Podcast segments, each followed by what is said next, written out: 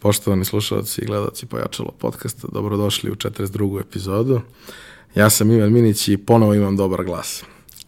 A moj današnji gost je Dragomir Ćoso, jedan od osnivača Puzzle grupa i nekih prethodnih priča iz kojih je Puzzle nastao, a mi danas pričamo o tome kako se tom nekom kombinacijom turizma i ugostiteljstva i tog tipa usluga možeš baviti na jedan malo drugačiji način od onog koji je običan. Dobrodošao. Hvala ti na pozivu. A, kako bi ti uh, ukratko predstavio to što vi radite? Ah, ukratko to su to je organizacija putovanja za mlade od 18 do 25 godina, ako bi trebalo da kažem u jednoj rečenici, a u principu to je a, jedna kom, kompleksna organizacija a, gde mi našim putnicima obezbeđujemo kompletan a, ugođaj, tako da kažem, Znači, to nije klasično poslovanje turističke agencije gde e, ti prodaješ sedište autobusu i krevet.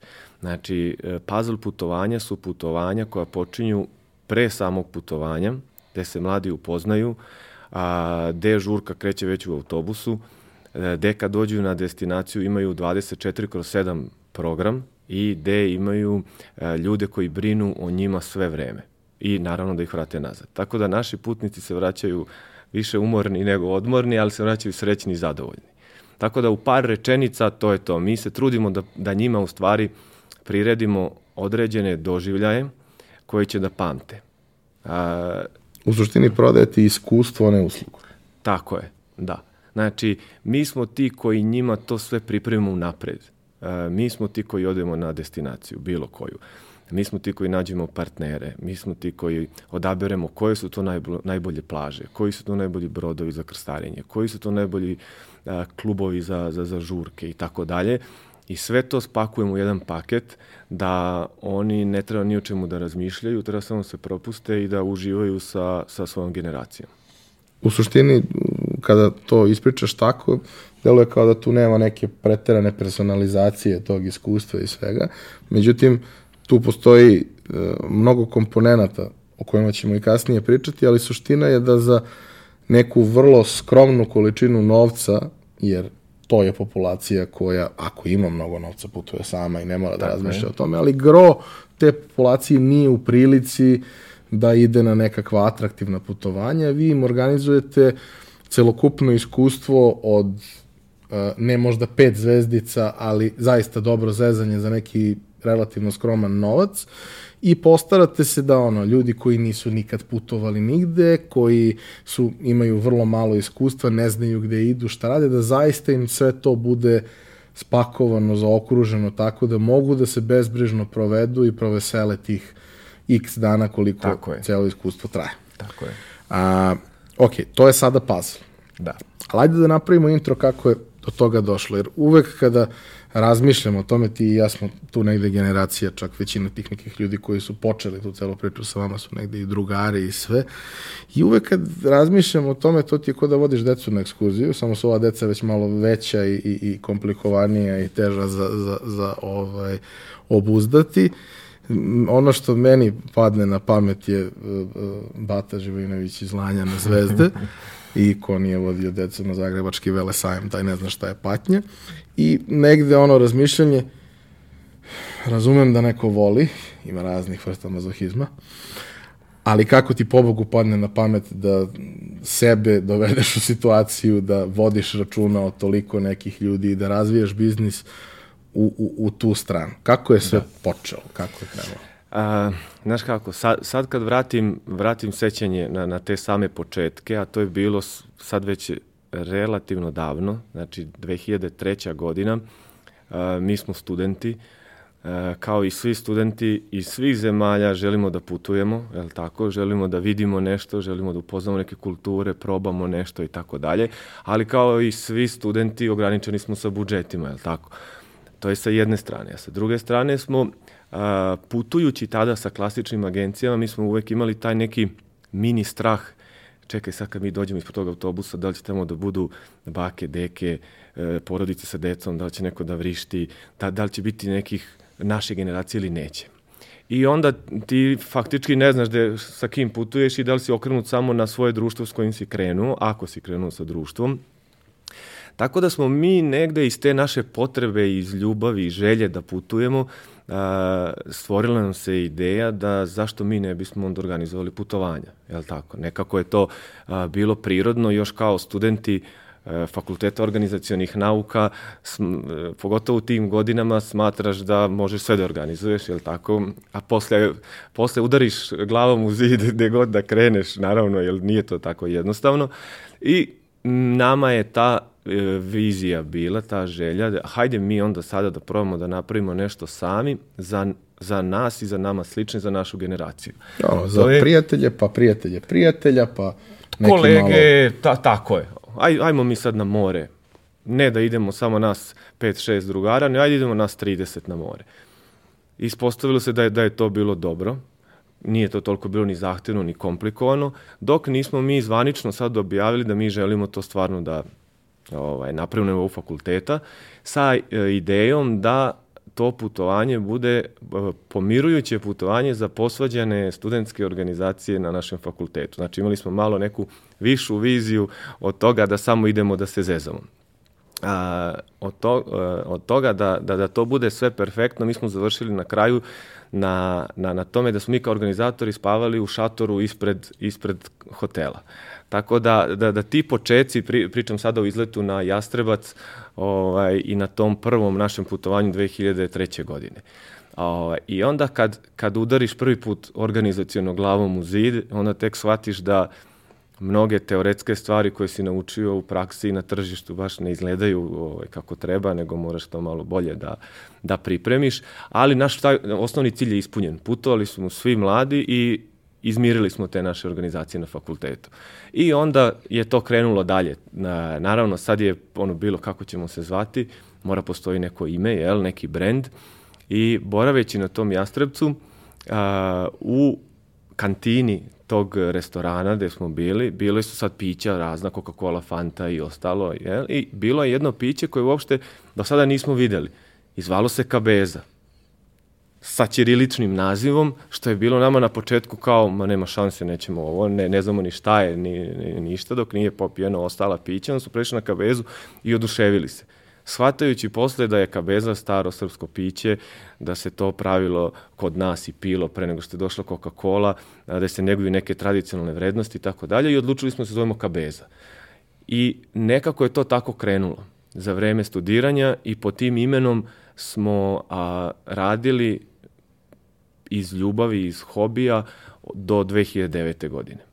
Verovo ili ne, znači to je bilo tih nekih šest godina uh, ljubavi, širenja, putovanja, prihvatanja u organizaciju svakoga ko je hteo. Uh, nismo uopšte bili profitno orijentisani, uh, bavili smo se tada društveno korisnim radom, humanitarnim akcijama, edukacijama i tako dalje.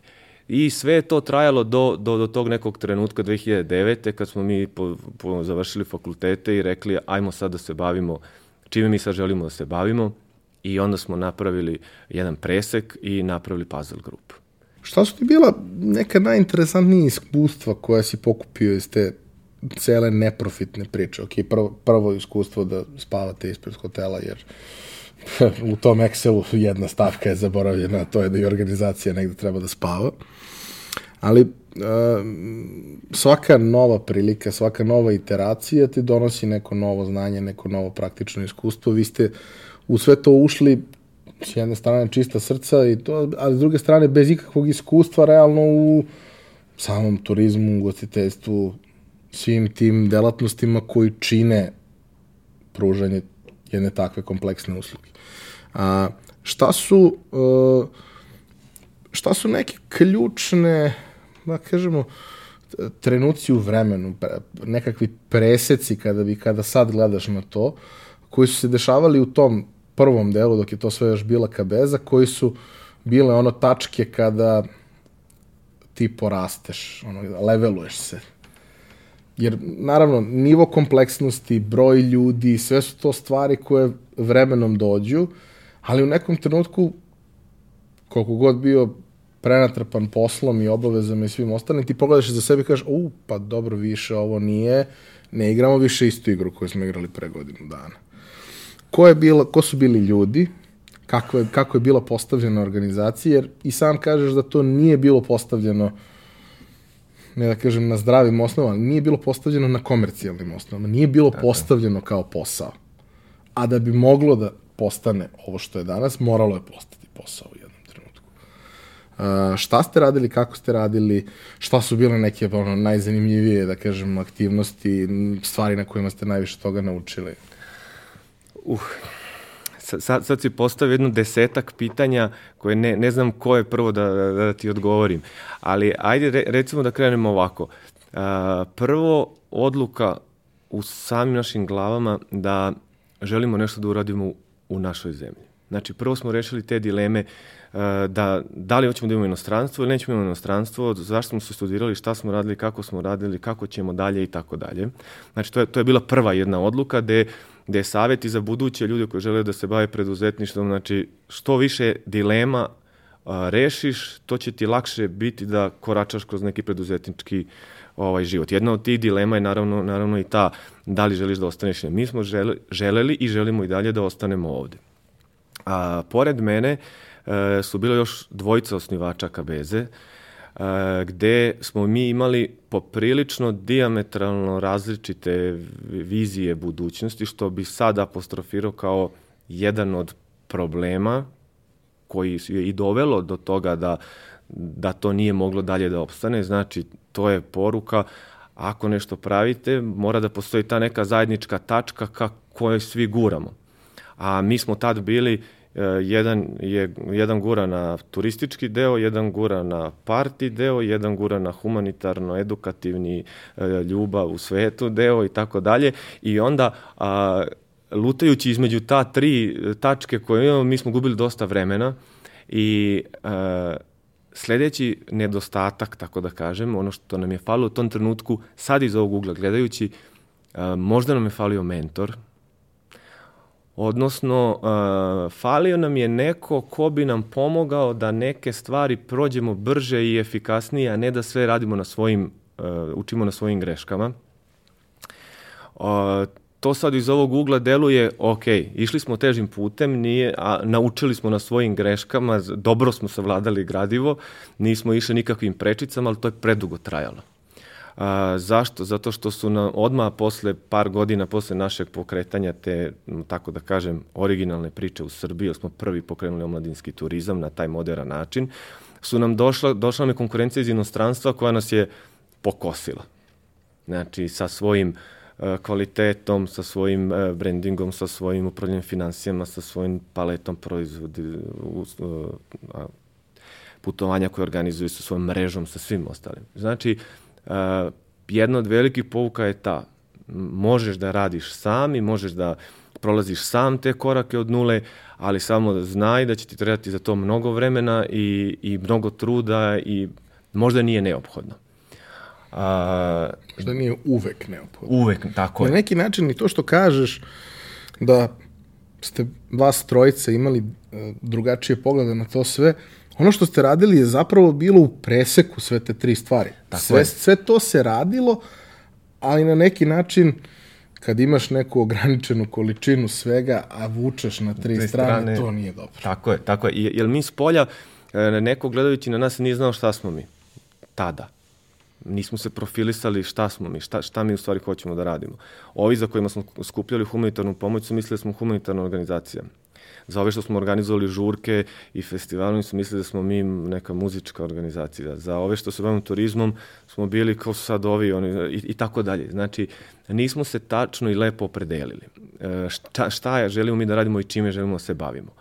A, sledeća stvar je bila e, loša organizaciona postavka. Znači, mi smo imali tri osnivača i imali smo gomilu sad rečnikom nazvane produkt menadžera, koji su donosili projekte, konkretno različita putovanja i tako dalje, ali mi smo to tako postavili da su oni imali 90% profita od tih projekata i mi kao neko ko stoji za cele te priče e, smo, nismo mogli da vodimo dalje, da se razvijamo sa tih 10%. to je isto recimo greška, znači planiranje financija mora da ide od početka uh, kako treba, inače će do, do, opet udariti glavom u neki zid.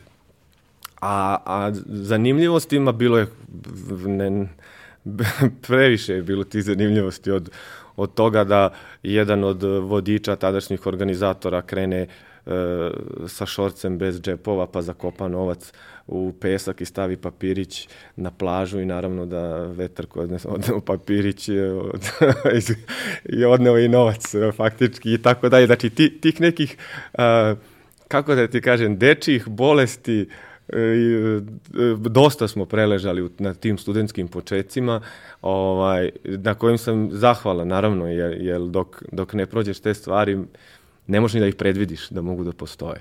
Pa, tako Znaš, nešto ta... konkretno. Ne, ja mislim da ne postoji softver koji može da predvidi takvu situaciju. Ali... Tako je, tako je, tako je. Ali uh, on, ono što hoću da ti kažem da uh, zahvalan sam za taj period zato što um, ne možeš ti drugi put da doživiš uh, neko putovanje sa 22 godine, možda samo jednom. I ako, I ako ne otputuješ sa 22 ili sa 18, kad budeš otputovao sa 28, nije to isti doživljaj. E, mi smo uspeli da proputujemo i da obiđemo i da upoznamo razne, razne ljude, pre svega, ne mislim sad na neke daleke destinacije, pričam pre svega u Evropi, ali, ali to je nešto što nam je napunilo naše baterije i, i definitivno trasiralo naš put da želimo se bavimo organizacijom putovanja. A, sledeća stavka jeste, je, jeste profit, jer kad odrediš da se nečim baviš, e, naravno udruž, biznis, definicija biznisa je udruživanje radi sticanja profita. E, nama taj profit je uvek bio na nekom četvrtom, petom mestu prioriteta.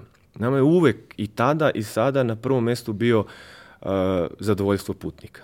I mi smo se uvek dodatno trudili i, i prvo je smo mi takvi, pa onda smo to preneli na ostale ljude koji su radili sa nama. Sad i dalje pričamo o periodu KBZ.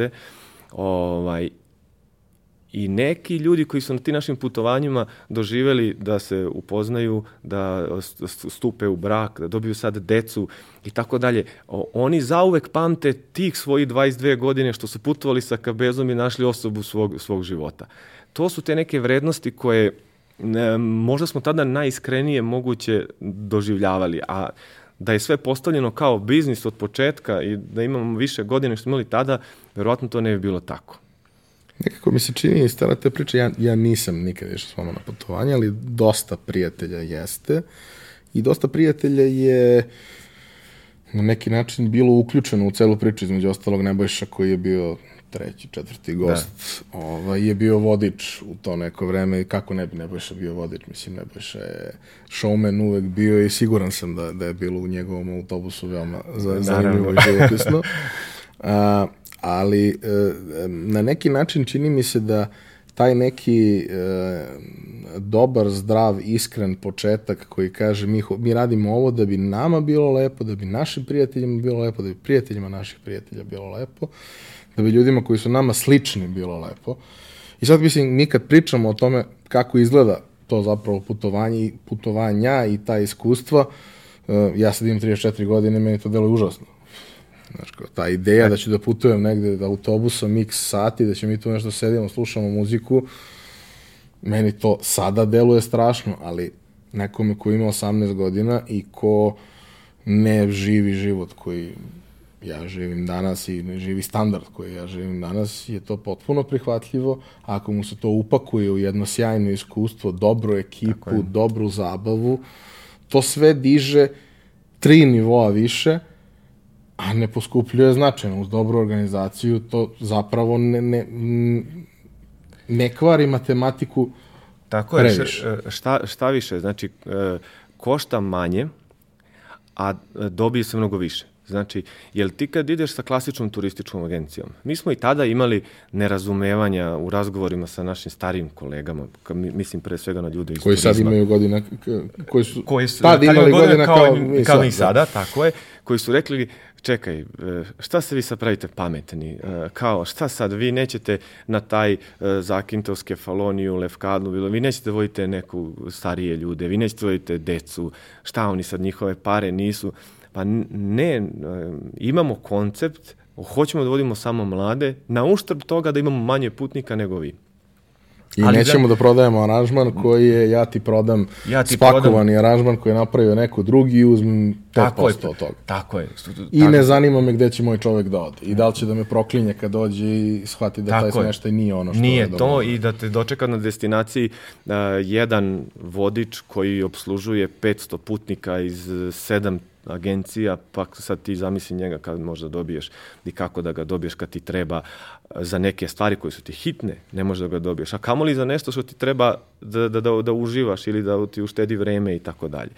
Tako da ovaj, uh, ti počeci, ta nerazumevanja i naš pristup, jer znaš, ti kad završiš turizam, kad završiš obuku za vodiča, ti si ukalupljen. I kako si naučio, ti to tako posle reprodukuješ.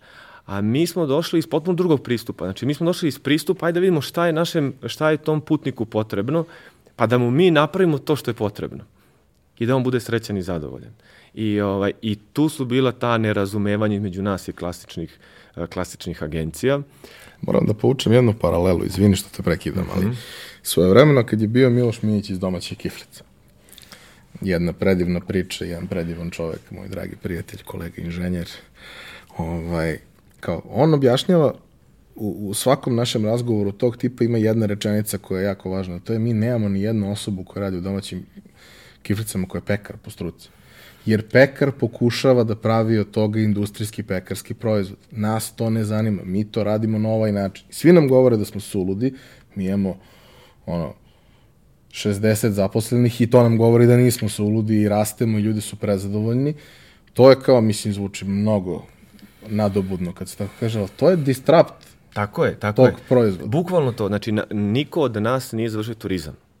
Znači mi smo završili nekakve fakultete, sada ih ne imenujem, ali niko nije završio turizam. I zato e, mi, mi poštujem kolege koji su napravili uspešne biznise iz, uh, studirajući fakultete matične za taj biznis, poštujem, ali smatram da mi smo odabrali drugu priču na, i pokrenuli smo to na opačke. Znači idemo iz ugla našeg klijenta, putnika, a ne iz ugla, ja ću sad nešto da, da, da prodam, e, spakujem, pa i sad da vidimo kako ćemo da prodamo i kome ćemo da prodamo. Tako da, ovaj, po, ponosan sam na to, moram, moram da priznam. na neke tačke kojima bi možda, koje bi, koje bi turistima bile e, jako važne, turistima, ljudi kojima su završili turistički fakultet, odnosno Turizmolozima. turizmolozima, koje bi njima bile jako važne, u realnosti možda putnicima uopšte nisu bitne, a neke druge na kojima ne bi vodili ni malo računa, u praksi su ljudima jako važne. Najvažnije, tako je. Jel, za, zamisli ti sad opet da, da te vratim na, na te, taj period pre krize, jel? Znači 2000... Pre krize, a taman smo dobili beli šengen. Tako je. Znači, e, i, i ljudi žele da putuju, psihologija u, u državi je bila idemo da se otvorimo, idemo da vidimo, da upoznamo nešto drugo.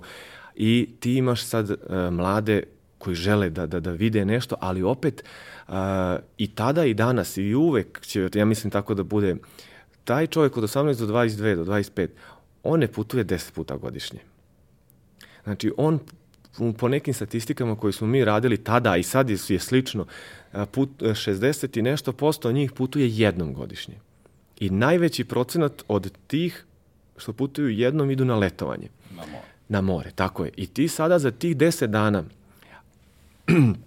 ako e, si njega prepustio ili ako mu se ne, ne baviš njime, da on gubi vreme na snalaženje gde će da ide, gde će da popije piće, gde, e, koji je klub, gde je najbolji prvo da njemu prođe letovanje. E, A, a mi kad mu to sve lepo sredimo, da on samo treba da, da, da, da, da uživa ti 10 dana, onda je on dodatno a, zadovoljan. On doživi mnogo više. On doživi, 10 dana. tako je, tako je, on doživi mnogo više i to je to. Mi smo, pored toga što smo još i tada bili svesni da je nama uh, ciljna grupa uska, i ne samo da je uska, nego ona je prolazna. E, jer ti imaš tih 4-5 godina da to otputuješ. Ve, Neki studiraju i 10, Neki- ali je- to nije sad je, tema. Jest, jeste, poznajem i ja takve, ovaj, a, tako da, ali iz ugla da, da, da ti, to, to, to su te godine kad ti to doživljavaš. I posle kad dođeš u sledeću, i nije ako studiraš i sa 27, 8, 9, a, nije ti više ono kao što ti je bilo sa 19. Tako da, da, da taj period smo prošli na neki način ono, puni emocija i svega ostalog, sad ti govorim iz tog nekog privatnog dela, a iz biznis dela, pored toga što nam je, što nam je nedostajala taj mentor i ta edukacija, a, mi o, donosimo odluku o promeni imena i sve što se dešava baš u trenutku kada dolazi kriza. I onda je mi M krećemo od nule, M krećemo za vreme kad je kriza i M opet mnoge stvari prolazimo uh, na teži način. Ono što bih volao da probaš da mi, da mi objasniš uh, je kroz taj period kabeze vi uh, učite, unapređujete se, rastete i na neki način počinjete da postavljate osnove biznisa. Tako je. I korak po korak, proces po, po procesu, u nekom trenutku dolazi do, to, do te odluke da se napravi rez, da se napravi podela, da se ti profesionalizuješ u ovom smeru, da Kabeza ostane svojoj priči, da, da to sve bude na, na neki način a, od, jasno odvojeno, ali bih voleo da mi e, kažeš koji su ti neki najznačajniji e, trenuci u tom samom postavljanju biznisa, odnosno kad shvataš šta tu može da bude biznis, šta su bile recimo neke stvari za koje ste računali da imaju smisla, ispostavilo se da su bile promašaj. Nije mi poenta da sad ogolimo to što vi radite i da svako može da uzme i da iskopira taj biznis model, ali bih voleo da probamo da e, na neki način prikažemo ljudima način razmišljanja kako ste vi dolazili do rešenja za neke probleme i da kažemo neke elemente toga kako zapravo funkcioniše da. sam biznis. Jer nije, upravo nije uobičajeni turizam. To tako je poenta. Je, tako je. Pa e, sam početak i sama osnova je, e, je bio matrični model. To znači da smo mi koji smo e, bili u vrhu KBZ, pored nas trojice osnivača, to je bilo negde oko 5-6 osoba, to, to je značilo da svako od nas radi funkciju jednu, recimo vodiš financije ili radiš marketing ili radiš sa timovima i tako dalje i imaš određeni projekat, odnosno organizuješ jednu novu godinu, jedno zimovanje, jedno letovanje i tako dalje. I kroz taj matrični model, e, taj matrični model se pokazao jako dobro tada u toj osnovi i smatram da za, počet, za početke i u timovima koji imamo više ljudi da je matrični model odlična osnova.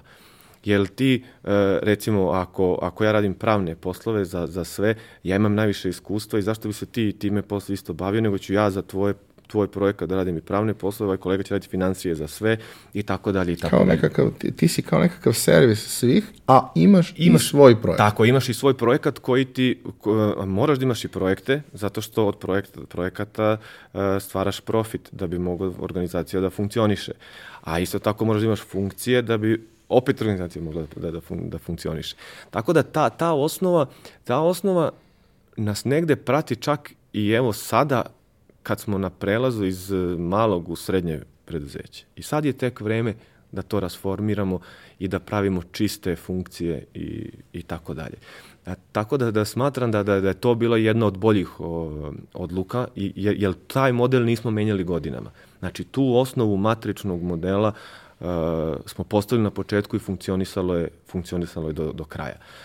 Uh, opet da se vratim u taj period pre krize, po, pominjem ga stalno zato što je u turizmu imala jak uticaj sama kriza. To znači da pre krize ti možeš da izbaciš na tržište određeni projekat, određeno putovanje. Mi smo letovanje izbacimo u junu, i prodamo sve i onda idemo samo da ga realizujemo u julu i avgustu, dok e, posle krize si morao svake godine sve ranije da izbacuješ sve više, da se tružiš da ga prodaš i, i, i, i tako dalje.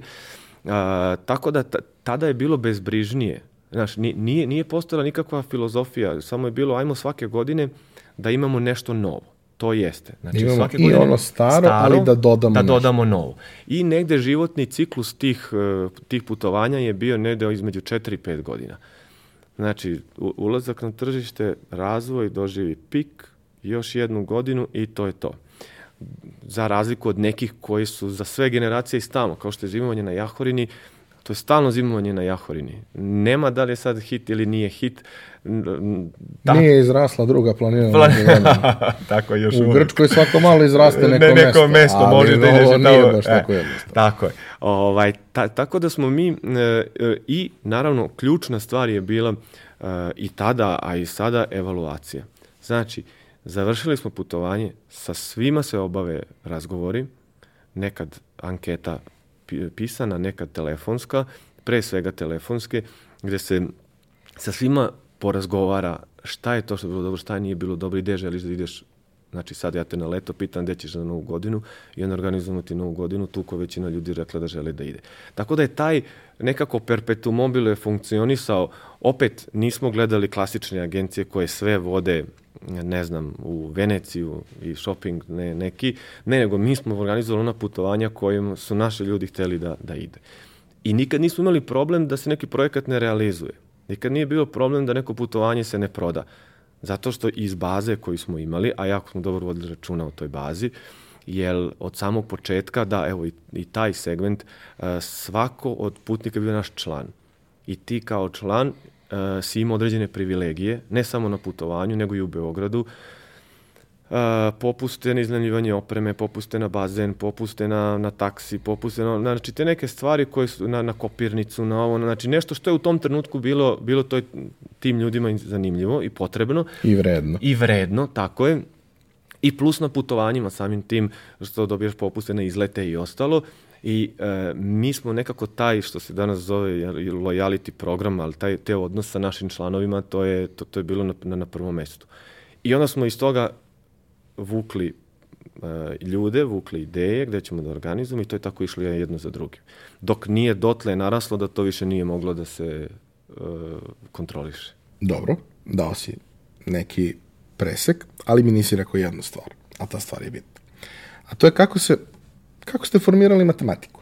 Jer uh, prosto to su one neke situacije, ima ih raznih. Ja gotovo nikad ne idem preko aranžmana negde iz raznih razloga. Prvo zato što neću da mi neko diktira kad, koliko, gde spavam i sve ostalo, nego mi je mnogo lakše da ja sve to završim, posebno što sad za neki manji broj ljudi smešta i uvek možeš da nađeš samostalno i da mnogo bolje odabereš.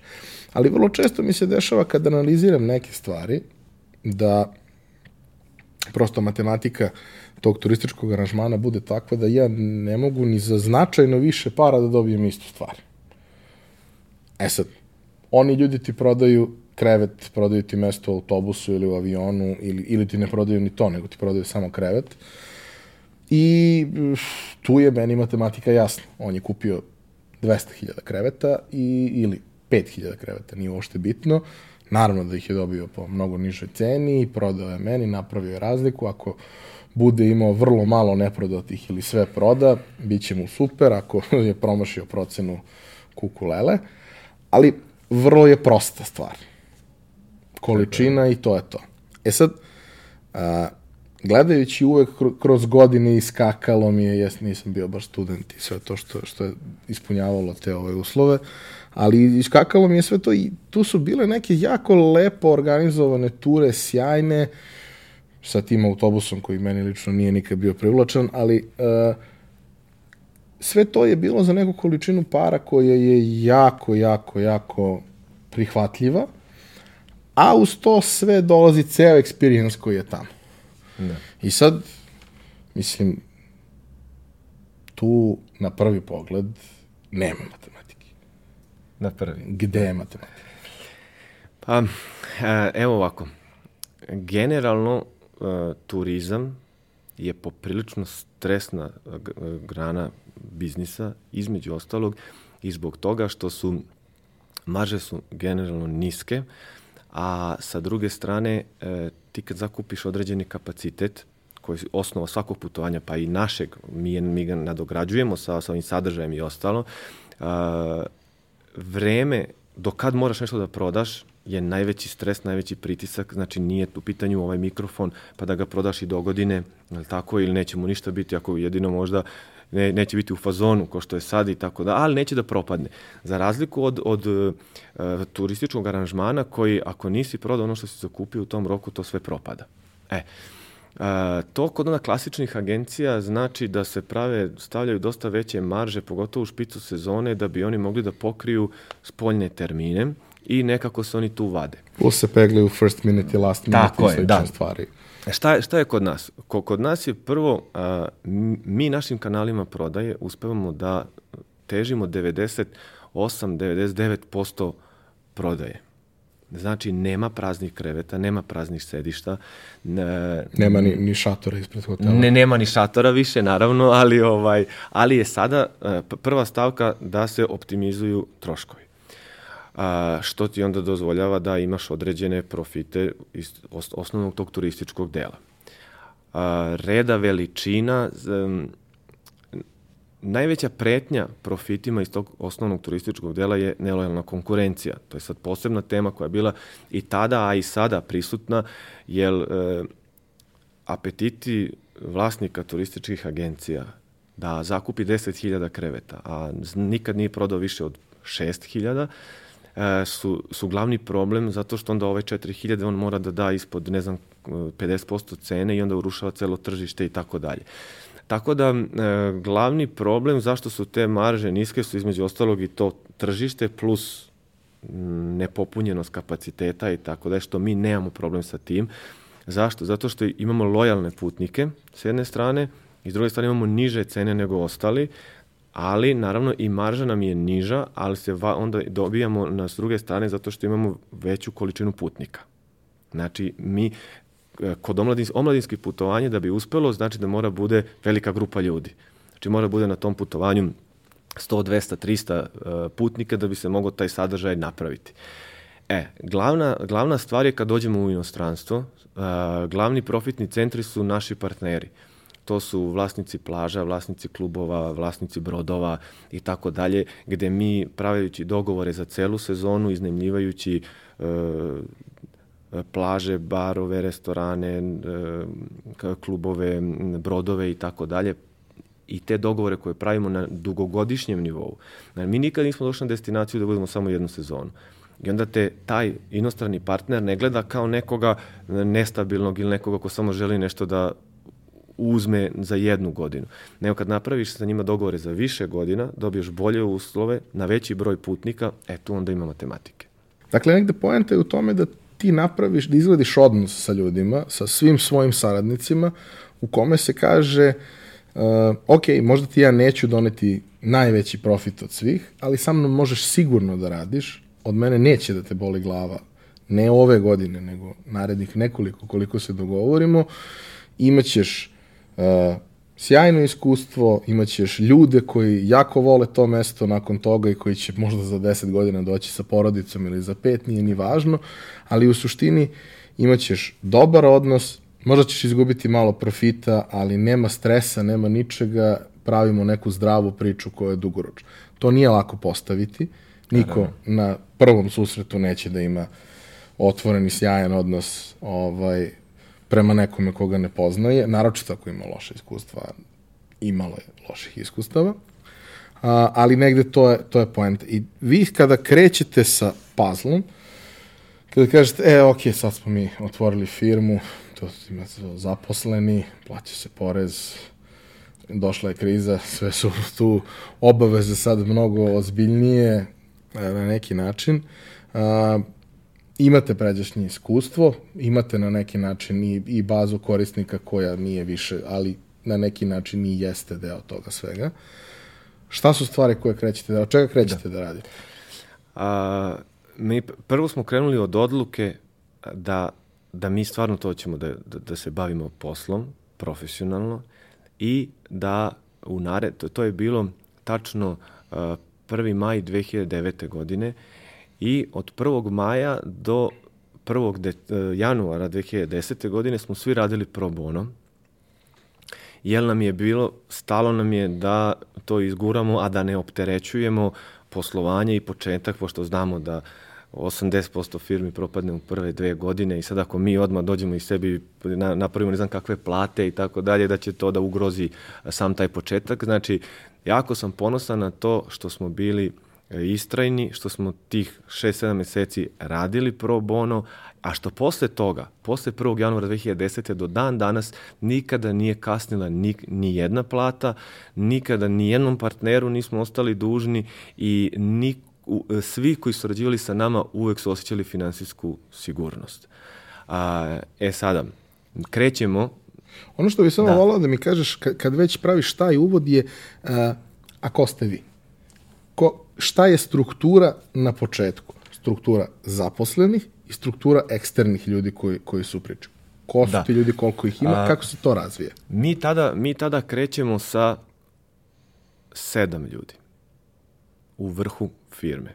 Sedam ljudi čine uh, osnivače pazla. E, to, to je isto jedna od, od sjajnih stvari. Svi sa kojima sam tada razgovarao su mi rekli, pa čekaj, šta je, si ti normalan, šta će ti sedam ljudi? I ja bi ti isto rekao. E, Da, ovaj, e, znaš kako, ne, ne, neko sad e, stručno mišljenje da ti kažem za, za to da, zašto je to bila takva odluka, ne mogu da ti kažem, ali samo mogu da ti kažem da je bila ispravna, jer e, veći deo tih ljudi, od sedam njih pet, nas pet smo i dalje tu, to su ljudi sa kojima možeš da podeliš i kad ti ide dobro i kad ti ne ide dobro. To su ljudi koji daju 110% sebe, a ne samo ti, ako je u pitanju jedan. I ja smatram da, da nikad, ne, ajde da ne kažem nikad, da u najvećem broju slučajeva, ako je sve zavisi od jednog, da ne mogu da budu tako dobri rezultati kao kad se, jer prosto nismo svi isti. E, prirodno se tako namestilo da je jedan bio specijalizovan za, opet smo na, na matričnom modelu i dalje, jedan je specijalizovan za marketing, plus iskustvo koji nosi iz Kabeza, jedan za IT, jedan za financije, jedan za, za HR, e, ja za opšte vođenje biznisa i tako dalje. E, I svako od njih radi najbolje posao od svih nas. To je poenta. E, Ne radim ja najbolje sve, nego svako od njih radi najbolje taj segment kojim se bavi. I to, i to, je, bilo, to je bilo sjajno, pogotovo kad kažemo da je to period 2009-2010, kad je kriza, kad su velike turbulen, turbulencije, kad ti ne možeš od radnika da tražiš 110%, ali od partnera možeš uvek. Tako da e, ja sam onaj tip da e, ljudi iz posla koji smatra da je bolje sa više partnera i bolje imati manji procenat od nečeg velikog nego veliki procenat od nečeg malog. Bolje veliko parče velike torte nego cela mala torta. Da, da. Ovaj, tako da, i, i sada mi, mi krećemo, s, e, krećemo faktično onim tragom kojim smo i stali. Znači, naša putovanja su e, ista koja su bi- bila i pre, sa istim tempom razvoja novih putovanja, ali imamo opterećenje kancelarija, imamo opterećenje tih plata posle od januara, od januara 2010. Imamo opterećenje opšteg funkcionisanja, ali e, kažem ti, tad ni- nije bio problem da nas sedmorica tada zalegnemo. Da ja radim sve, radim u prodaji, e, kad je moj dan, e, kad je, moj, kad je moja nedelja, ja čistim kancelariju, sređujem, da, a s druge strane sutra idem gostujem u dnevniku, gde pričamo o tome šta radimo i kako radimo i tako dalje. To, to je to kad nešto veruješ, to je osnova za svako koji želi da se bavi preduzetništvom. Vera u to što radiš i pogotovo na tim početcima, nažalost, ali moraš da radiš mnogo. I moraš da radiš neke poslove za koje ne možeš da zap- zaposliš nekoga na tim početcima. Tako da e, paz, puzzle je krenuo onako baš čvrsto, teško, već tada su se pojavile konkurencija, već tada e, se formira omla, e, tržište omladinskog turizma, što, što je jako, jako negde važno, jer, jer sam opet na neki način srećan da ono što smo mi pokrenuli prvi 2003. Evo ga sad ima cela niša koja se time bavi. To samim tim znači da je i teže prodati i da mora ranije da se razmišlja o tome i da su propisi rigorozniji. Do tada se nismo srećali sa raznim e, licencama, polisama, e, kontrolama, e, pa čak i razno raznim budalastim propisima gde treba da bude natpis koji, šta treba da stoji na njemu i tako dalje, ali to je osnova svakog posla, mislim, zna- znaš i sam, na, nažalost kako se firma razvija i raste, e, broj administrativnih obaveza je sve veći i veći. Meni je danas... I one su sve nepotrebne i Sve, nepotrebne. ne, da, tako je, tako je, ali ne, ne pitamo se za to. Tako da pa, puzzle kreće na taj način. Znači, onako stabilan, ok, na, na, na zemlji smo, znamo šta radimo, ne ulazimo u nešto što do sad nismo radili, jel? Ali u, u, u nezgodnom periodu, znači u periodu početka krize, ali jedino što nas je držalo to je to jedinstvo i to je ta vera da ćemo mi nekad e, postati deo naše vizije, a ona je da pravimo veliku sliku mladih regiona. Zato smo i nazvali puzzle. E, kao kad smo bili mali smo slagali slagalice, je tako? E, te slagalice to su mladi iz celog regiona, kako se danas popularno zove bivša Jugoslavija i I na isti način se e, provodi i želi da se provodi i mladi iz e, Bosne i Hercegovine, Hrvatske, Srbije, Crne Gore, Makedonije, Slovenije i tako dalje. I, i, I radimo na tome i dan danas. I dokazali smo da, da uopšte nije važno ko je koje nacionalnosti, ko je koje vere, a ako smo pre svega ljudi i ako idemo da se provedemo na tom putovanju, da će nam biti dobro svima. Ti to kažeš, to zvuči kao jedna idilična slika, lepa ideja i tako dalje. Međutim, nije stvar samo da je to lepa ideja. Vi to sprovodite u praksi. Tako dakle, je. ok, vi, vama jeste kor tržište Srbija, Srbija, ali nije samo Srbija. Tu već po duže vreme postoje aktivnosti i na drugim tržištima i postoji predstavništvo i tako, tako dalje u, u nekim drugim zemljama.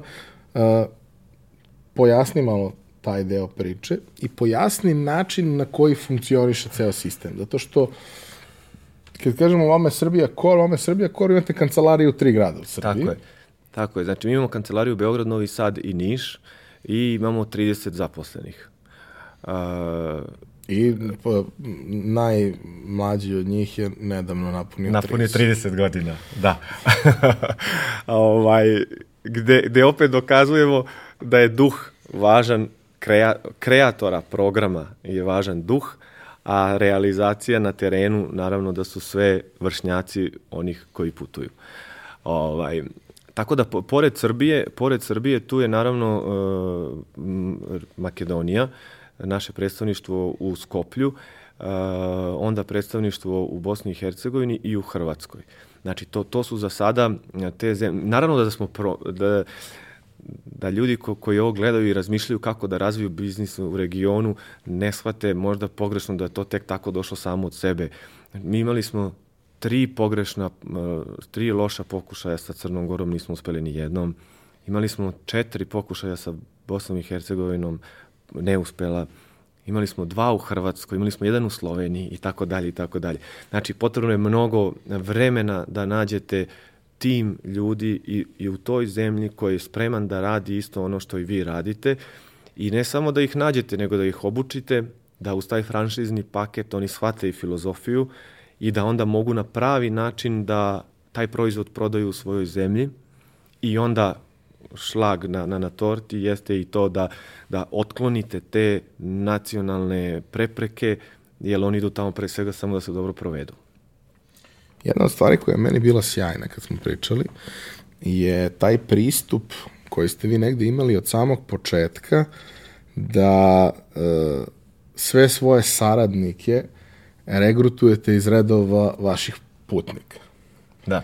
Odnosno da samim tim što u svakom autobusu postoji jedna, dve, tri osobe koje su iz organizacije, ti ljudi mogu da isprate ko je bio najzabavniji u tom autobusu, ko se pokazao kao simpatičan, dopadljiv, druželjubiv, a vrlo odgovoran i sve to, i da onda na neki način to budu osobe sa kojima može da se priča o tome da možda nekom narednom prilikom oni budu jedni od Tako tih je. koji vode. I na taj način je u suštini, ako sam te ja dobro razumeo, cela firma građana. Ti ako razmišljaš, ako ti je to interesantno, možeš to da radiš tako što ćeš da kažeš, meni je ovo simpatično, to ću ja tokom studija, kad završim studij idem negde dalje. Ali ako, ti, ako te povuče da možda ostaneš u toj priči, ima mesta da ti ostaneš tako u toj priči. Tako je, tako je. A, to, to je ta razlika između, opet, stalno pravim, pokušavam da pravim te paralele između nas i klasičnih turističkih a, agencija, da bi ljudi mogli da razumeju a, e, kolika je razlika. E, ti kad ideš sa klasičnom agencijom, taj vodič koji ti je u autobusu, on, njegov posao je samo da te prevede preko granice i stavi u, ispred smeštaja. I on je završio svoj posao, vraća se za Beograd. A tamo je taj jedan predstavnik na terenu koji koordiniše 500 ljudi. Kod nas je potpuno obrnuto. Znači, naš tim na svakoj destinaciji ima koordinatora, ima po svakom autobusu vodiča, po svakom autobusu stafa, staf je osoba koja uči posao, ima fotografa, ima video, ima DJ-a, E, mi ne prepuštamo slučaju sada da li ćemo doći u klub pa grčki DJ pušta grčku narodnu muziku koju niko ne, ne, ne razume ili ne tursku ili tako nešto. Tako da ta, taj tim ljudi je neko ko je tu to stekao nekim svojim dosadašnjim radom i iskustvom.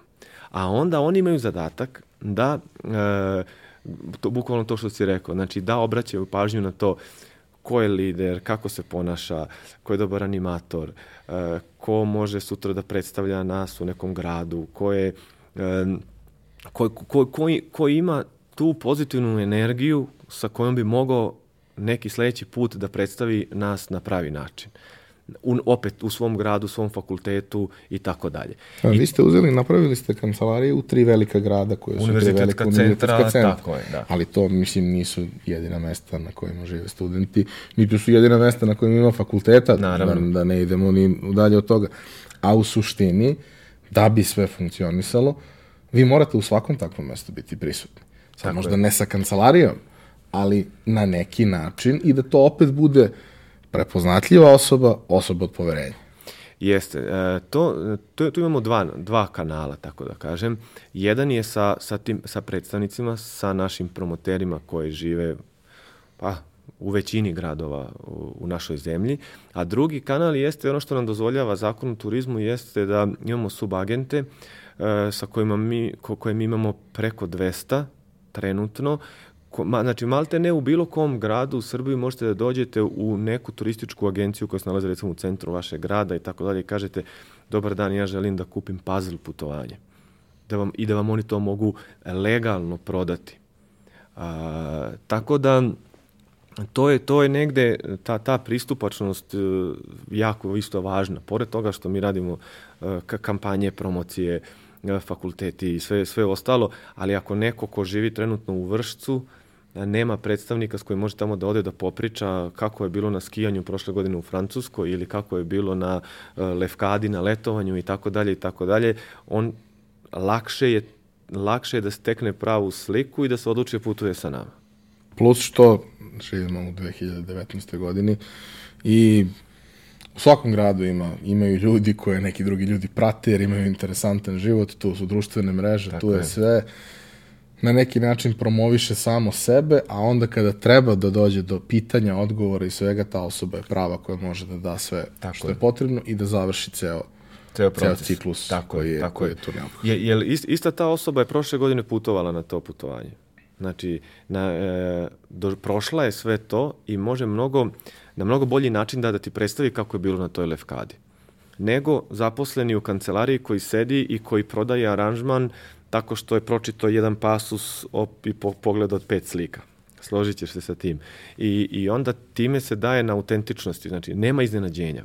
Znači ti stvarno kad dođeš na taj kaos, ne, ne možeš da se baš iznenadiš, iako je on takav kakav je na samom jugu Krfa, e, prilagođen mladima, e, mnogi stariji se gnušaju tog mesta, ali ti kad mladima predstaviš šta je to, šta, koliko mi brinemo njima, koji izlete radimo, da će obići ceo krv, videti, ali da će na tom mestu gde, gde, gde su smešteni biti epicentar zabave, a to je to ono što njima treba.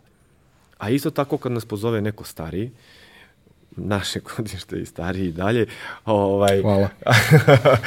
na, na, na, na, naš posao jeste da njima objasnimo e, da nije, to za nije, nije dobro, da, da to nije tip putovanja na kojem će se oni dobro provesti. A meni, meni nije cilj da oni idu, da i sad mi kao zaradimo na njima.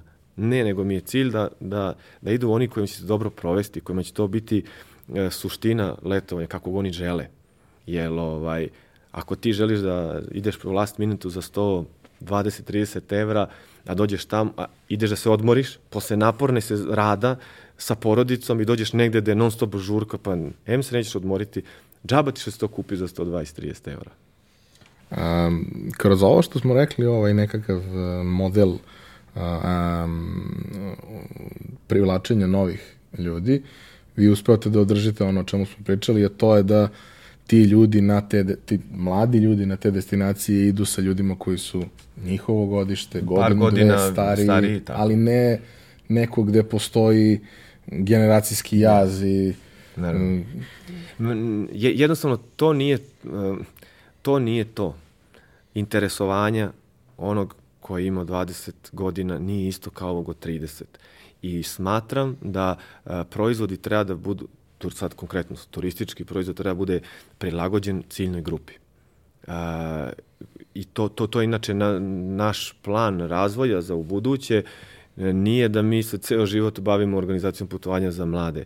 Na, naša vizija jeste da e, kako mi starimo, odnosno prelazimo iz jedne faze u drugu, da toj ciljnoj grupi pružimo putovanja koja njima treba. A ovo će da ostane, naravno, jer svake godine dolaze novi mladi. E, I svake godine, e, kako da ti kažem, opet da se vratim na onu krizu, kriza je pogodila klasične agencije, ali nije nas nije putovanje za mlade. Zašto? Zato što je roditelj se odrekao svog putovanja, ali dao je novac da putuje njegovo dete da ne bi izgubilo to letovanje u 19. 20. 21. godini. I na vas je imalo uticaje. Ali nije Jeste, bilo toliko drastično. Ne, ta, eto, bravo. E, lepo se to rekao. A, interesantno je e, zapravo da, iako ste najpoznatiji po ovome o čemu smo uglavnom do sad pričali, a to su studentska putovanja, putovanja za mlade, i tu ćemo se dotaći toga, objasnit ćeš nam koje su to uh, i, i koje su to destinacije koje su postale posebno interesantne, jer postoji mnogo predivnih destinacija po Evropi koje ljudi, mladi ljudi naročito nisu obilazili, a zahvaljujući vama su postale hit i sada ih rade i, i druge I agencije tako i tako dalje. Ali ono što bih voleo, uh, pre nego što sa, zaključimo negde priču sa, sa tim, je da mi e, pojasniš ovo čega si se dotakao baš malo pre, a to je da jedna od stvari koje ste vi pokušali da napravite, a negde se možda naslanja malo i na onaj početak kad ste vukli na tri strane, to je da pored ovoga što vam je core biznis, lagano krećete da diversifikujete to što radite. Kroz lagano razvijanje i drugih nekih segmenata posla. E sad, šta su ti segmenti bili?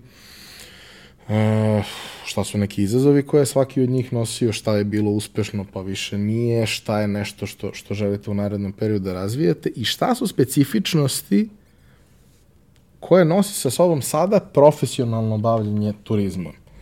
Da. Koje je donelo, znači turizam je u prethodnih 10 godina kod nas uh, u smislu propisa i svega drastično, drastično. zakomplikovan, a razlog za to je i činjenica da mnogo više novca sada ulazi u turizam, a sa druge strane da ima mnogo više problema. Tako je, tako je. Um, evo ovako, do sada smo sve vreme pričali o uh, jednom tipu proizvoda koji se zove putovanje za mlade. Ja volim da ga tako nazovem više nego studentsko, zato što je student Student može da ima i 35 godina. Da, tako. da. Ovaj, jeste. I e, osnova cele naše priče jeste bila da mi sa jednim brendom komuniciramo sa je, jedan proizvod komunicira sa jednim brendom sa, i sa jednom ciljnom grupom. Tako je Puzzle Group brend specializovan za omladinska putovanja. A, smatram da nije pametno da jedan brend komunicira sa više e, ciljnih grupa, m, mislim, komplikovano je, pogotovo na, na, u našoj zemlji. Onda na, opet neće znati šta ste. Šta, tako je. Naučili smo to, znači, od, od pre i e, napravili smo e, brand puzzle za putovanje za mlade. Ali u pozadini e, tog brenda jeste tour operator koji se zove Special Travel Agency.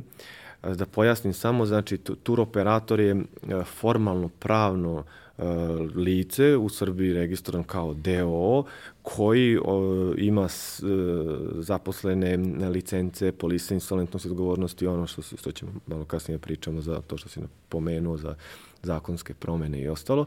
Znači, Special Travel Agency je tour operator. Kro, on komunicira kroz puzzle brand sa mladima i za putovanje za mlade. Pored toga smo napravili Work and Travel Group, brend koji se bavi organizacijom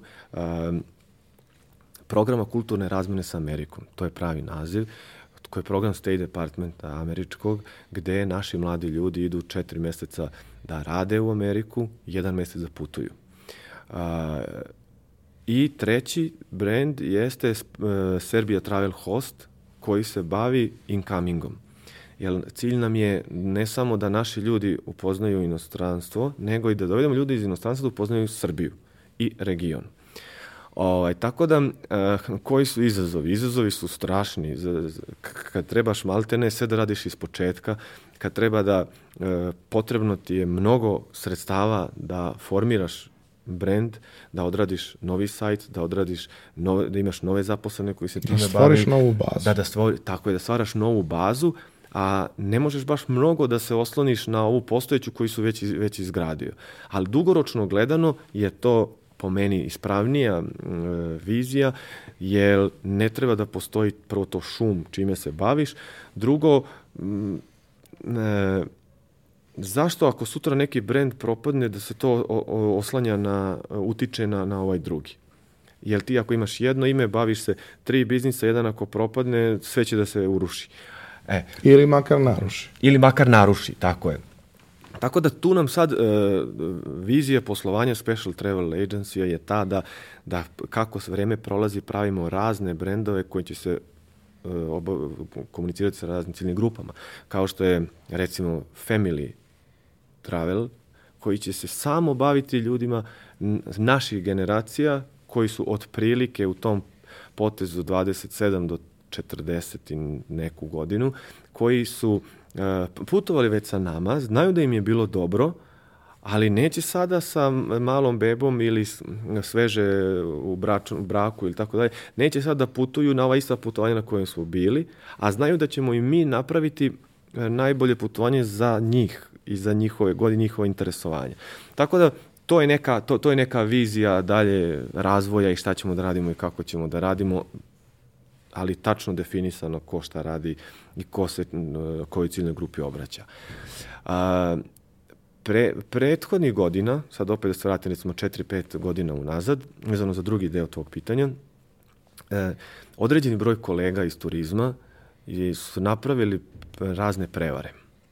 To odmah mora da, da, da budem precizan. Znači, od recimo 600 tur operatora u Srbiji, 99% njih radi časno, savesno, pošteno i, i tako dalje.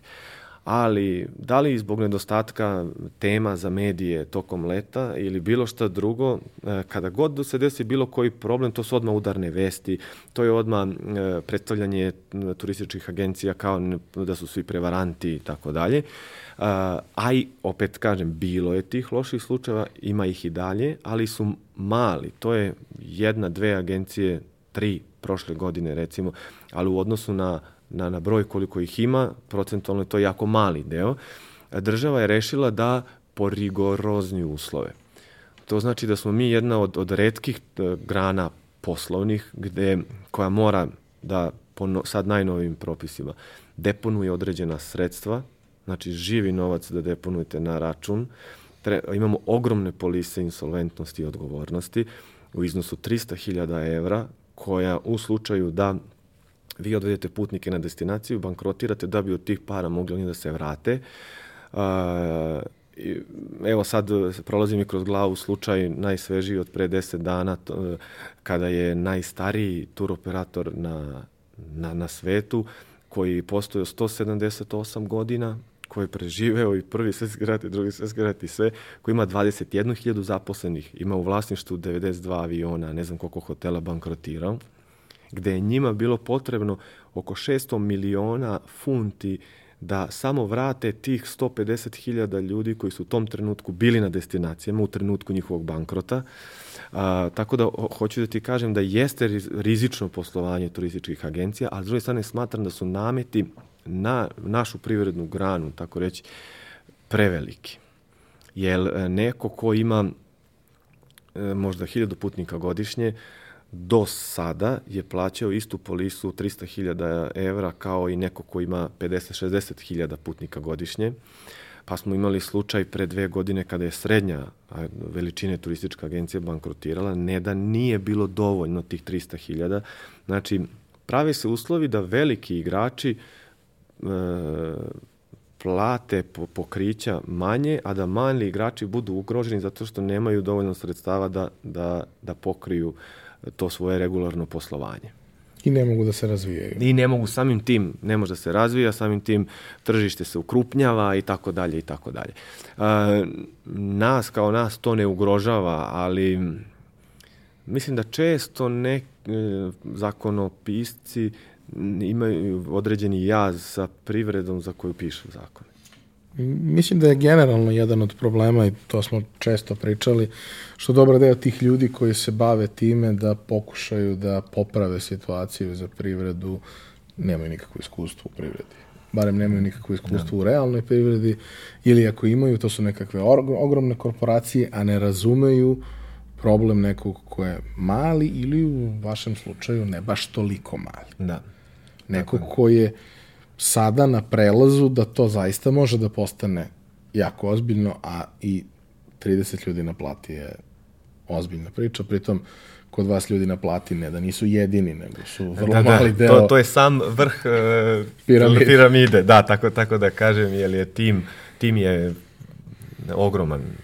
Da. Ajde reci samo brojke, čisto da, da damo neku Kako? A, ako, ako, bismo sa, ako bismo sabrali, recimo sad, uh, vodiče, uh, vodiče, foto tim, DJ tim, stafove, uh, promo lidere, promotere i tako dalje, pa taj broj je negde To su sve negde honorarci, to, to je, nisu oni zaposleni. Nisu zaposleni, tako je, to su honorarci, to je, ajde sad da, da ne pogrešim mnogo, ali između 100 50-60 ljudi u svakom momentu, plus fluktuacija. Jedni odlaze, drugi dolaze. A ljudi koji su zaposleni, to su e, produkt menadžeri, ljudi koji rade prodaju, e, to su ljudi iz marketinga, dizajner, e, ljudi koji rade IT, rade financije i tako dalje. Znači, kao maltene, kao i u bilo kojoj drugoj firmi, plus produkt menadžeri koji su ključni, da. Hajde sad da, da probamo da uh, onim ljudima koji su nas slušali sve ovo vreme, a n, ili imaju iskustvo sa puzzlom, pa ne moramo mnogo da im objašnjavamo, ili nemaju, pa hajde da im damo neku odrednicu. Uh, koje su to neke lokacije koje ste na neki način uz uh, uzimanje iz baze korisnih informacija i feedbacka vi napravili da budu turističke destinacije ljudima interesantne? Pa, za, zavisi u kom periodu godine, a je sad recimo ovako, ako pričamo o novogodišnjim putovanjima, a, to je definitivno Krakov.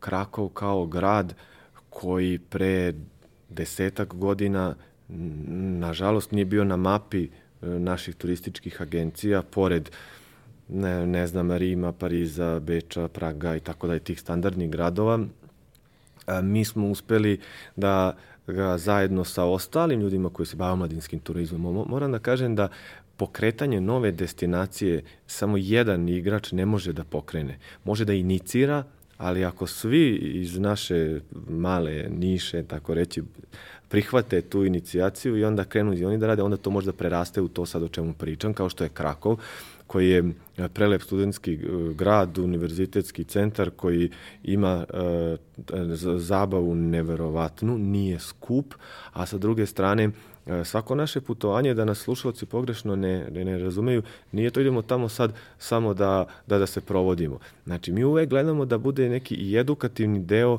ili istorijski ili kulturološki i tako dalje, tako da je kod Krakova to poseta Auschwitza, poseta Velički, Rudnik u Soli, jevrijskim četvrtima i tako dalje i tako dalje, da oni posle, kad dođu roditeljima, mogu da kažu nešto i šta su naučili, šta su videli i ostalo.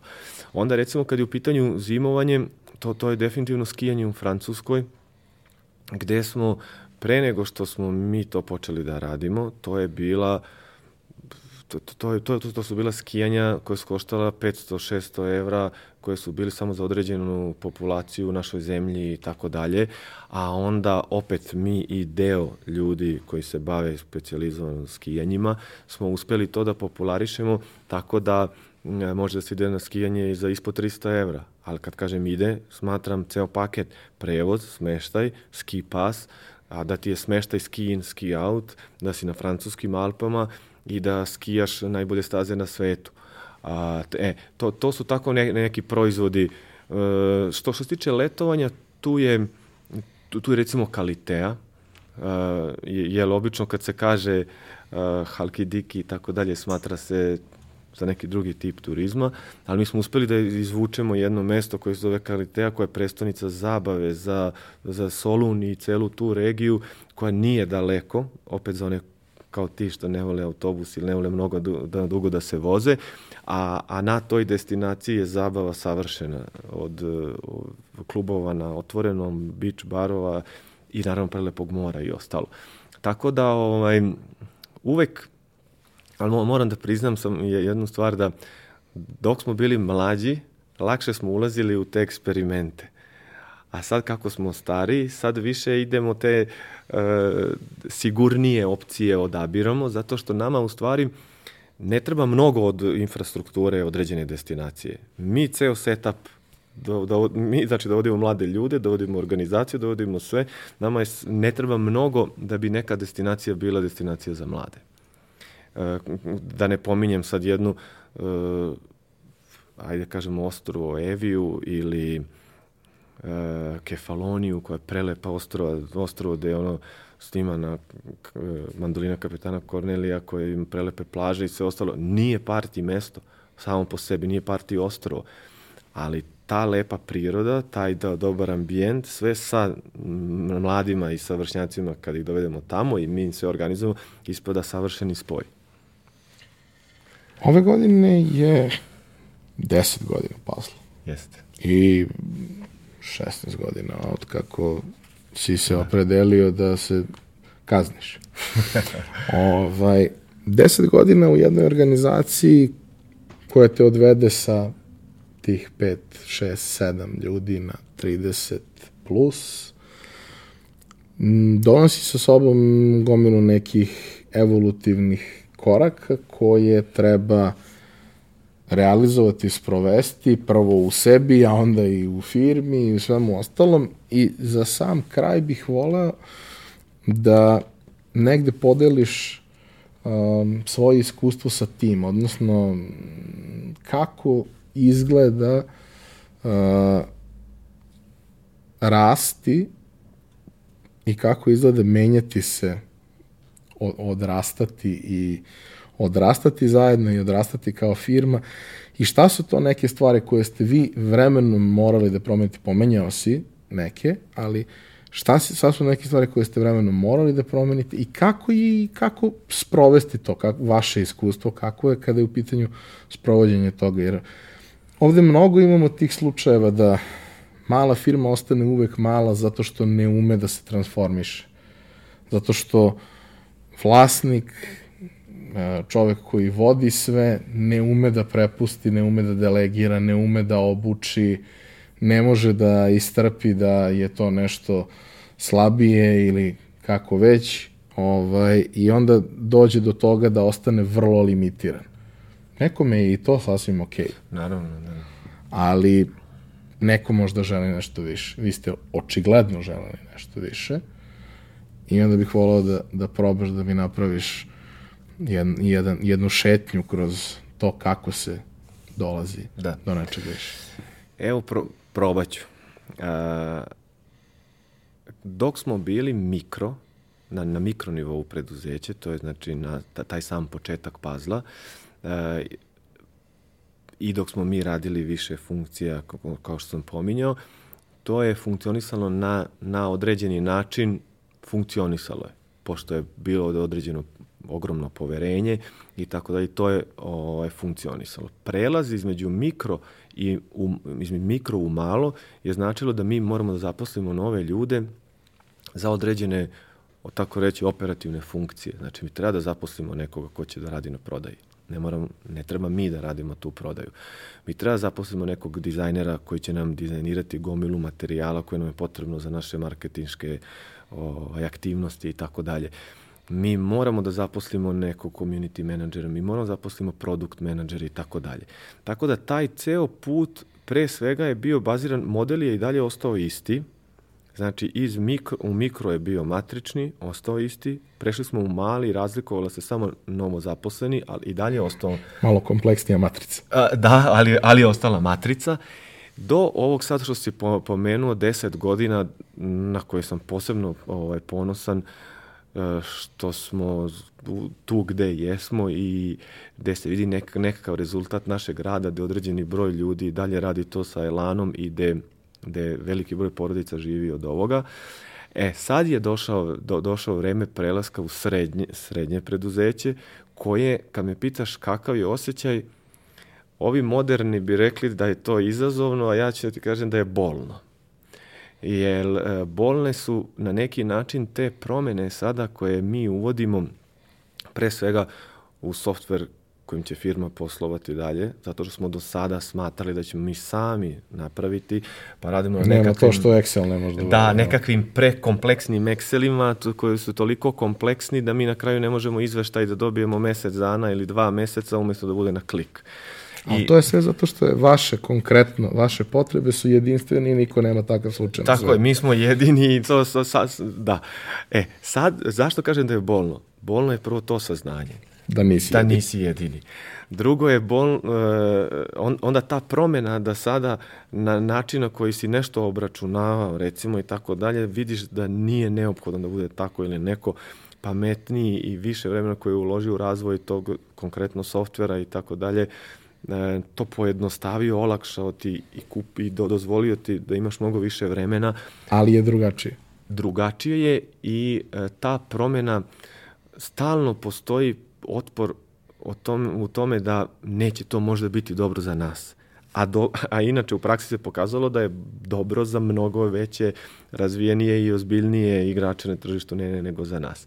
Tako da ta tranzicija sada, posle tih deset godina, za nekog Ja dok sam bio na fakultetu i slušao razgovore ljudi iz privrede koji su došli da nam pričaju i koji su pričali da a, deset godina nešto radi, ja sam smatrao, čoveče, da li ću ja ovo ikad moći? A i, i smatrao sam deset godina, ko dogura od deset godina više ne mora ni da radi, to će sve samo da ide. E, sada znači vidim kako izgleda sa ove strane i vidim da je to sad samo jedan novi početak, a kao što si rekao, ako ne želiš da ostaneš na onom nivou svojih ograničenja kao pojedinca koje si imao kad si počinjao. Jer često se desi da firma preraste osnivače, naravno. Ali onda osnivači ne treba da koče dalji razvoj.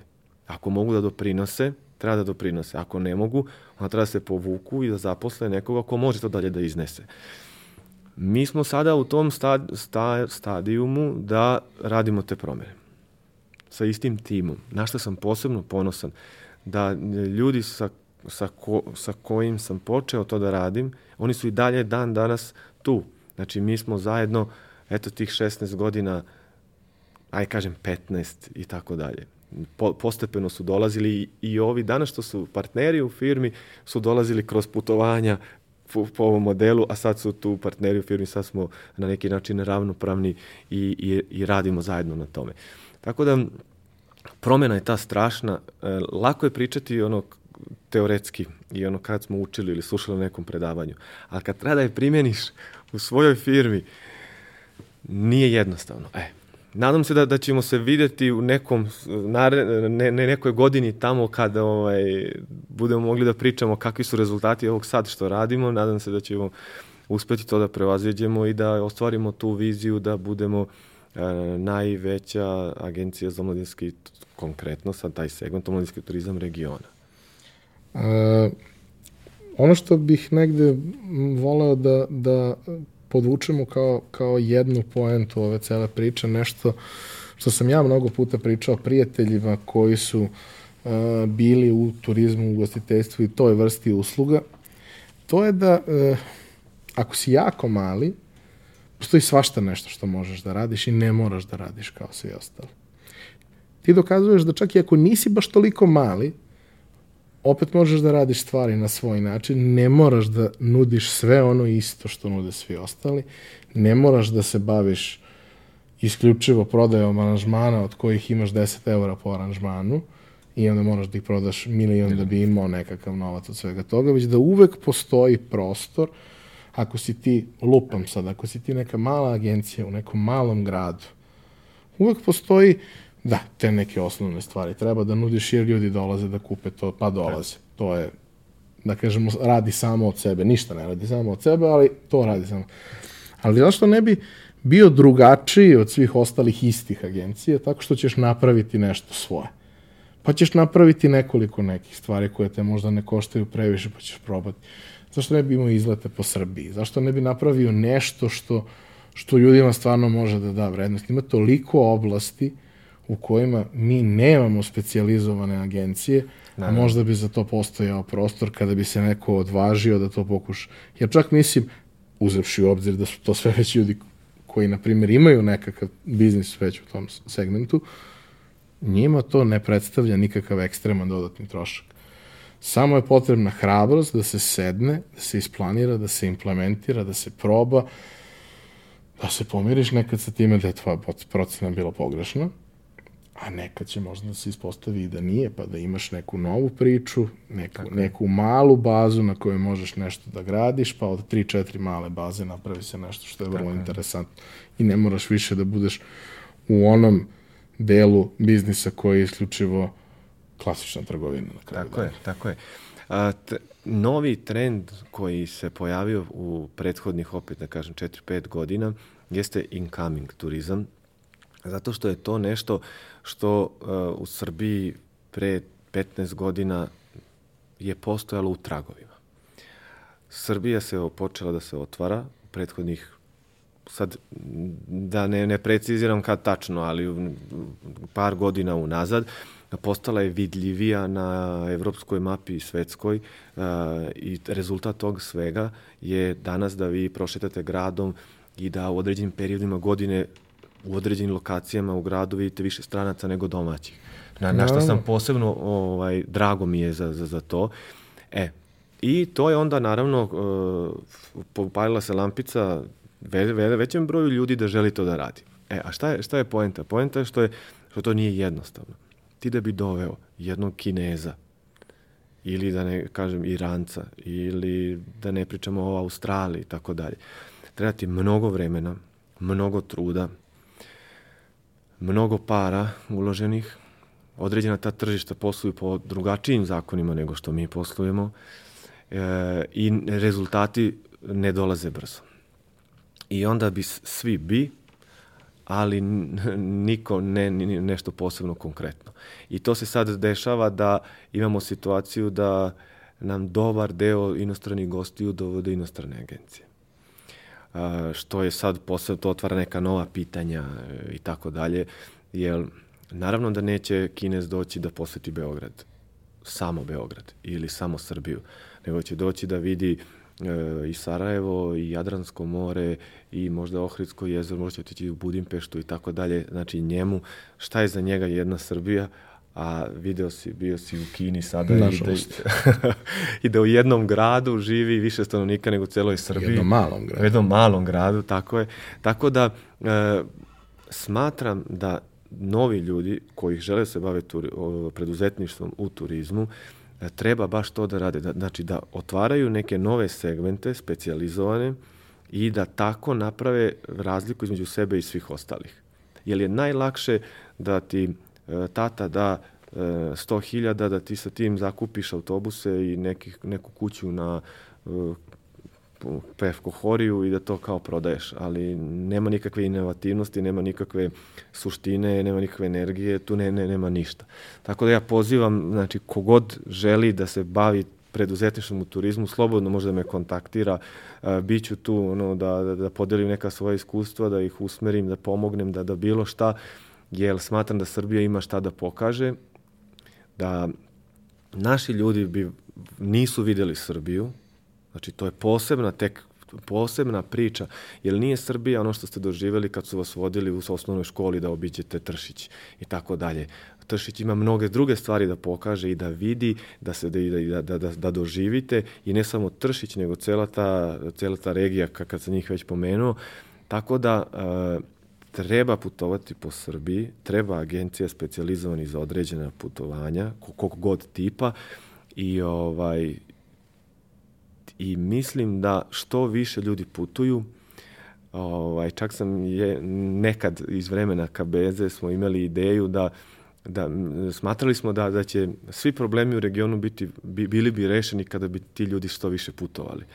Kada bi upoznali što dobar deo i bi bio reš. Da, e, znači ka, kada izađete iz svoje čaure i svog kog god grada da pričamo, da li pričamo o e, Ivanjici, Zenici ili Osijeku, nije uopšte važno. Znači, samo kad izađete iz svog grada i vidite da postoji još neki ljudi koji su slični vama, normalni, ok, probate raznu e, hranu, piće, e, lepote prirodne i tako dalje, vaši se vidici prošire i ta čaura pukne i onda ste e, kvalitetnija osoba, bolji čovek i manje ćete praviti problema. Bolje razumete svet u kome živite. Između ostalog i to. A i bolje cenite i sebe i druge i e, recimo meni je svaki put, pošto zbog posla, a generalno često putujem, svaki put kad se vratim u Srbiju, ovaj, lepša mi je nego pre nego što sam otišao.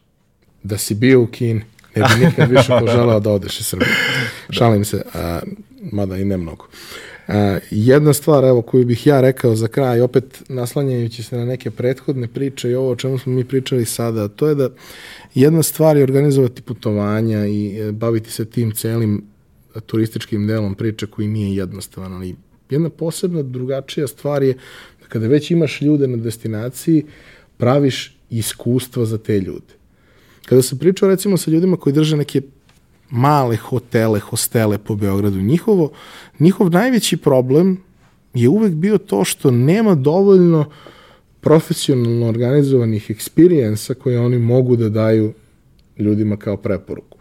Da li je to, lupam, krstarenje Savom, obilazak Kalemegdana, obilazak muzeja sa vodičem. Ima ih sve više.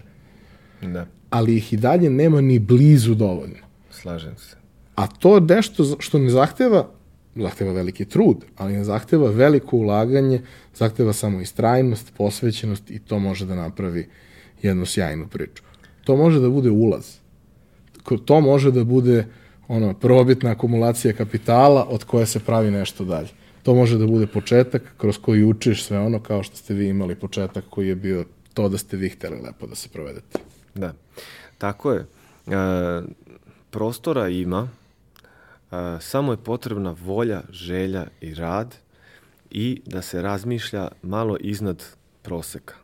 Znači da nije suština biznisa sada ti samo iskopiraš šta je ovaj uradio i to kopiraš ovog iz Beograda. A, n- n- nije problem, iskopiraj onog iz Kopenhagena, dobi neku ideju, prilagodi na našem tržištu i napravi dobru stvar. To što kažeš za Beograd je e, skoro niko od stranih gostiju, naših, kome smo mi pokazali Beograd, e, nije se vratio, a, a da nije bio oduševljen. A, osnovna stvar u turizmu gen, je, je, jeste to ko, kakva ti imaš očekivanja. Jer e, sad, ako konkretno pričamo za, za, za Beograd i za Srbiju, e, svi ti inostrani e, turisti, partneri, kogod, imaju jako niska očekivanja. Jako mala očekivanja. Većina njih ne zna ni gde dolazi, ni šta, šta će da mu se desi i tako dalje, ali kad, kad mu pokažete grad, kad mu ispričate istoriju, kad on proba e, na, naš, našu hranu, kafanu e, i tako dalje, a, niko ne ode ravnodušan. To je poenta. I tako isto i, kod, i vezano za omladinski turizam. Ko ima prevelika očekivanja, on se uglavnom razočara. I to je, i, i, i, i za- zato je važno da mu daš malo više nego što je on očekivao. Jer iz koreni reči, ra, ra, ra, koren reči razočarati je očarati. Znači ti se prvo nečim očaraš. Želiš da na toj destinaciji na kojoj putuješ jednom godišnje, kao da je to sad četiri zvezdice, da je to tamo sve perverzija, a platiš to 150 evra, pa dođeš tamo, pa ne, ne dobiješ ono što si što te očaralo, ti se onda razočaraš, onda si nezadovoljan, da ti je sve uh, kriva ti agencija, kriv ti neko drugi, a poenta je dobre usluge, pogotovo u turizmu, jeste da nivo očekivanja tvojih putnika svedeš na razuman nivo, a da, ga, da mu ti daš tu neku dodatnu vrednost koja će njega očarati. Da dobije više da nego se što je potrudiš očekivao. više nego što bi morao. Tako je, e, bravo. Tako je. Dragomire, hvala ti na gostovanju. Mislim da smo ispričali jednu lepu priču i nadam se da će možda neki novi klinci sa nekog fona ili nekog drugog fakulteta krenuti da razmišljaju o nekoj svojoj novoj priči poučeni ovim iskustvom koje smo podelili. Ja se, ja se nadam, bio bih srećan zbog toga i još jednom hvala ti što si me poslao. Slušalci i gledalci, vama hvala i ovog puta na pažnji. Kao i do sada molim vas da sve svoje komentare i ideje, predloge pošaljete nam za to predviđene mesta. Mi se vidimo naredne nedelje.